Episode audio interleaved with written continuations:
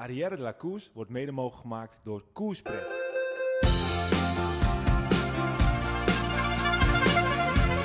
Je luistert naar Arrière la Course volledig in het teken van de Tour de France. Kort, krachtig, simpel en duidelijk. Vandaag etappe 8. Toch weer boutje!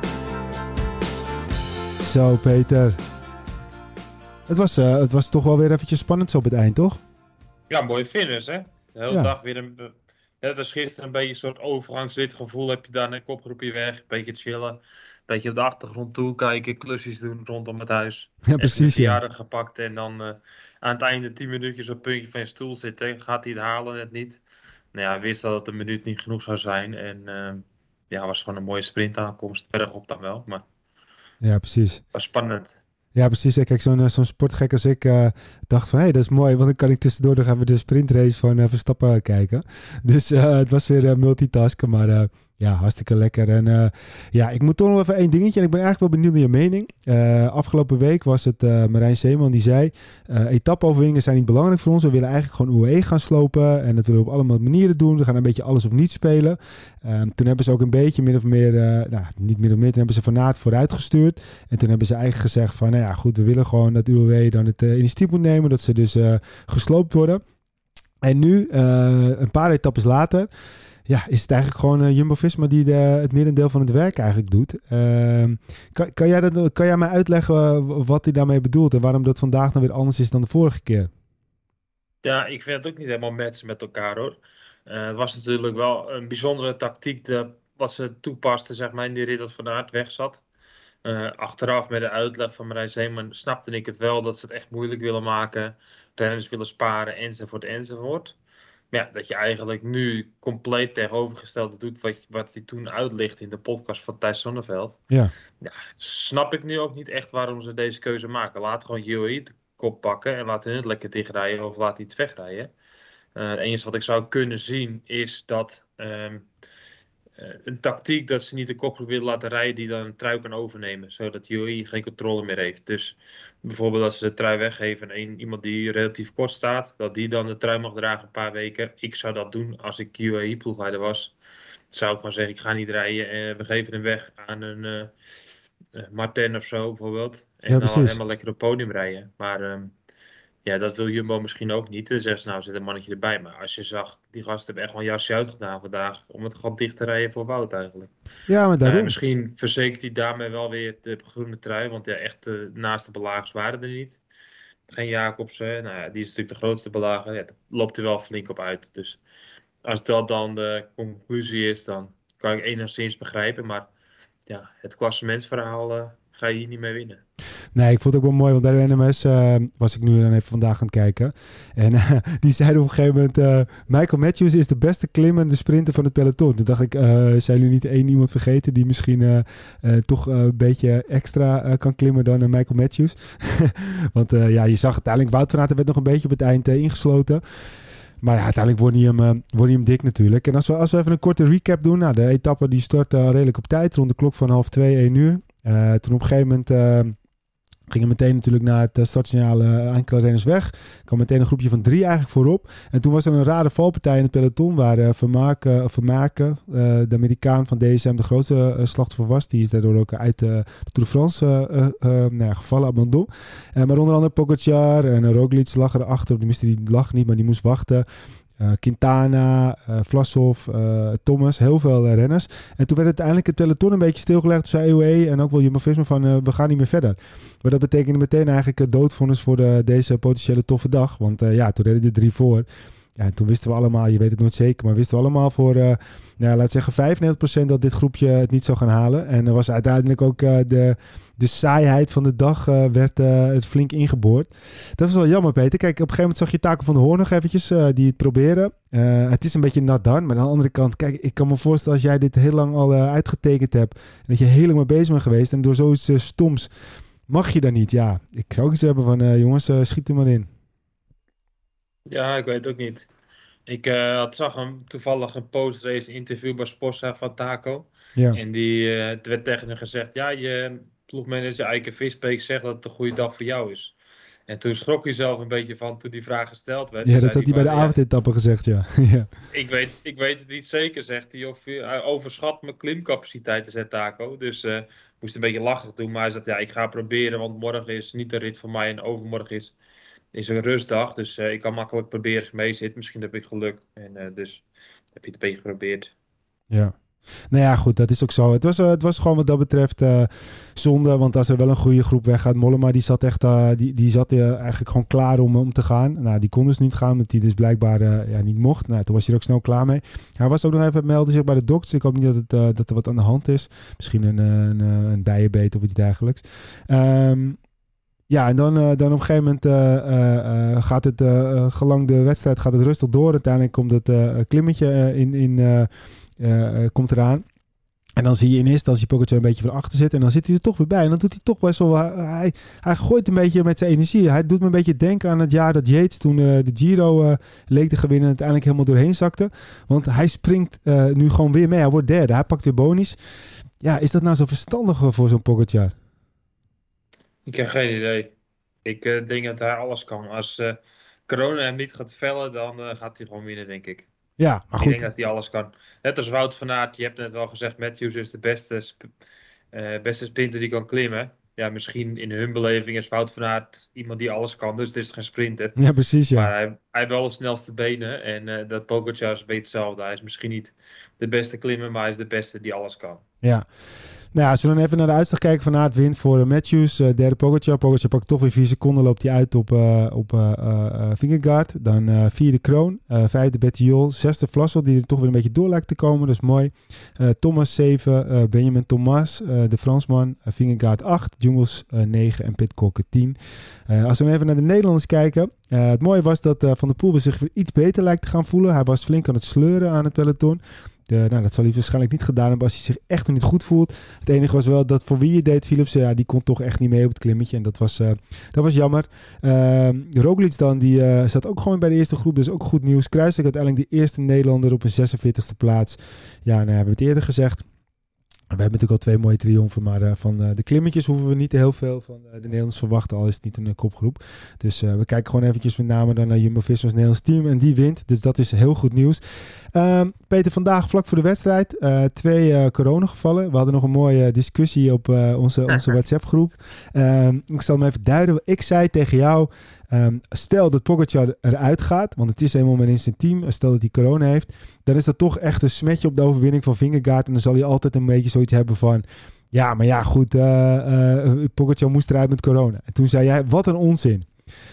Ja. dus dat was een mooie, mooie een discussie. Ehm, waarom vind je dat zo'n grote onzin? Want kijk, bij een valpartij zou je zeggen van... oké, hij valt, hij kan er niks... eh, hij kan niet meer verder. eh, dat hoort bij het wielrennen. Maar met, met corona is eigenlijk... je kan nog steeds topfit zijn. Je kan nog steeds eh, gewoon die etappes allemaal doen. Alleen omdat je corona hebt, mag je niet verder. Maar goed, Ja, jouw kant. dat zijn de regels. Kijk, jij zei tegen Vinnegaard wilde toen niet winnen als Poker uit moet de corona. Ja, dat vind ik. Hij wilde toen niet winnen als Nee, zo wil je de. Tour niet winnen. Ik denk, ik denk gewoon, kijk, hij zou het niet zo willen, maar ik vind hetzelfde corona hebben of vallen door een lullig valpartijtje door een toeschouwer. Of eh, weet ik veel wat, vind ik precies hetzelfde. Als hij eruit moet omdat hij ziek is, omdat hij corona heeft, een lullige valpartij. Het is wel koers en je moet van A naar B. En als je onderweg al tegenkomt en je moet eruit, om wat voor reden dan ook, dan is dat gewoon pech. En ehm, ik denk, vind corona vind ik net zo erg als eh, koorts of eh, weet ik veel wat. Ja, nou ja, oké, dat, dat, dat begrijp ik. Maar het is aan de andere kant, kijk, als Vingegaard dan toch de Tour wint, dan wil hij toch wel dat gewoon eh, tegen het zo sterk mogelijk eh, eh, deelnemersveld. En dan wil hij niet continu, denk ik, altijd horen achteraf van ja, maar het was omdat eh, corona heeft. Dat, dat lijkt me gewoon niet heel erg chill. Maar goed, het is, het is een discussie die in de melige huiskamer gevoerd zal worden. Wij gaan er in ieder geval niet uitkomen. Net zoals uh, Laas en Wilco, we zijn het eens dat we het oneens zijn. Dus dat is mooi.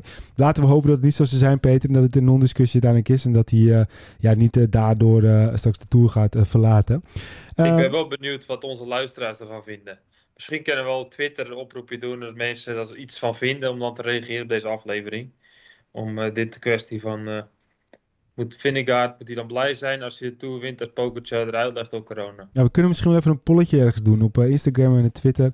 Uh, vanavond na, nadat uh, de podcast online staat, kunnen ze minstens even luisteren. Dan doen we even een polletje. Dat, eh, dat, dat komt goed, dat ga ik doen. Eh, als we dan even naar het klassement kijken. Nou, niet veel veranderd. Ehm, even kijken, Oeran verliest weer 11 seconden. Nou, als we dat nog op dit moment... Die was natuurlijk al best wel wat achter. Ehm, voor de rest, eh, als ik eventjes sneller doorheen kijk... Geen grote veranderingen en zitten ze er allemaal gewoon wel redelijk goed bij. Dan uh, de dag van morgen, Peter. Wilco die is er vandaag even niet bij. Die deed, doet vandaag vrijwilligerswerk. Die is muntjes aan het verkopen op een festival. Um, dan gaan we even kijken naar de dag van morgen. En heb jij hem eventjes goed uh, in het snotje of uh, moet ik hem eventjes uh, duiden? Nee, het is morgen weer een mooie rit met niet echt berg op aankomst, maar wel vlak voor de laatste 10 kilometer. hebben ze een mooie call. eerste categorie, 50 kilometer klimma, 6% gemiddeld. Maar wel steilere stukken tussenin natuurlijk. En dan rijden ze een 10, tiental kilometer naar beneden. En dan de laatste paar kilometer is nog omhoog knallen. En uh, ja, dan gaat nog 4 kilometer bergop. Dus ik verwacht dat daar nog wat uh, kan gebeuren. Maar ja, daarvoor heb je ook Col de la Croix. La Croix. Ja. Ik, weet precies, ik ben niet zo heel goed in Franse uitspraken. Maar uh, dat is ook wel een serieus klimmetje. Dit is ook 8, kilo, 8 kilometer. Ik ben zelf daar ooit een keer omhoog gefietst. Nou, ik wist niet, ik zag groen en geel. Ik had dat goed afgezien. Ja. En um, ik weet dat die afdaling daarna gewoon echt heel erg lang was. Dat is heel lang, ja. En als je dan daar de aansluiting mist, dan, uh, dan ben je echt lang onder, onderweg om daar naartoe te gaan. Dus ja, ik, uh, ik weet het nog wel goed. En um, ik denk zelfs dat dat de klim is waar ik mijn schijfrem aan verbrand had in de Ronde van Zwitserland. Ah ja, dat uh, legendarische schijfrem. Bijna, ja. Bijna de bocht was gevlogen omdat ik niet meer kon remmen. Waar het net goed ging. Dus dat het net goed ging, ja. Dus ja, voor mij niet hele goede herinneringen, maar even goed 193 kilometer. Ze verwachten weer warm weer, dus uh, er wordt afzien voor de mannen even goed. Uh, ik verwacht voor de klassement niet heel veel verschuivingen. Ik denk wel dat, dat misschien iemand gaat proberen. Er kan sowieso een grote groep gaan rijden met een aantal goede klimmers. Omdat er toch wel uh, een kans is op een rit, ritwinst voor heel veel jongens. Ja. En misschien wel een goede gelegenheid om de trui weg te geven als UAE. Wat ik net ook al zei, dat is, zou ik geen slechte tactiek vinden. Ja, en wie zou hem dan moeten pakken? Want als we even naar het klassement kijken, uh, nou ja, dan moet er al best wel een flinke ja, voorsprong gepakt worden om dat nog even te verwezenlijken. Want ja, dus hij nou, staat er best wel wat voor het natuurlijk. Kan ook, het kan ook iemand zijn die tussen de plekken 15, 20 is, weet je wel, 10, 15. Dat mag best wel. Bijvoorbeeld, ik noem maar wat, een uh, Uran of zo op drie minuten. Of een Caruso op drie minuten. Stel je voor, zo'n Caruso gaat mee.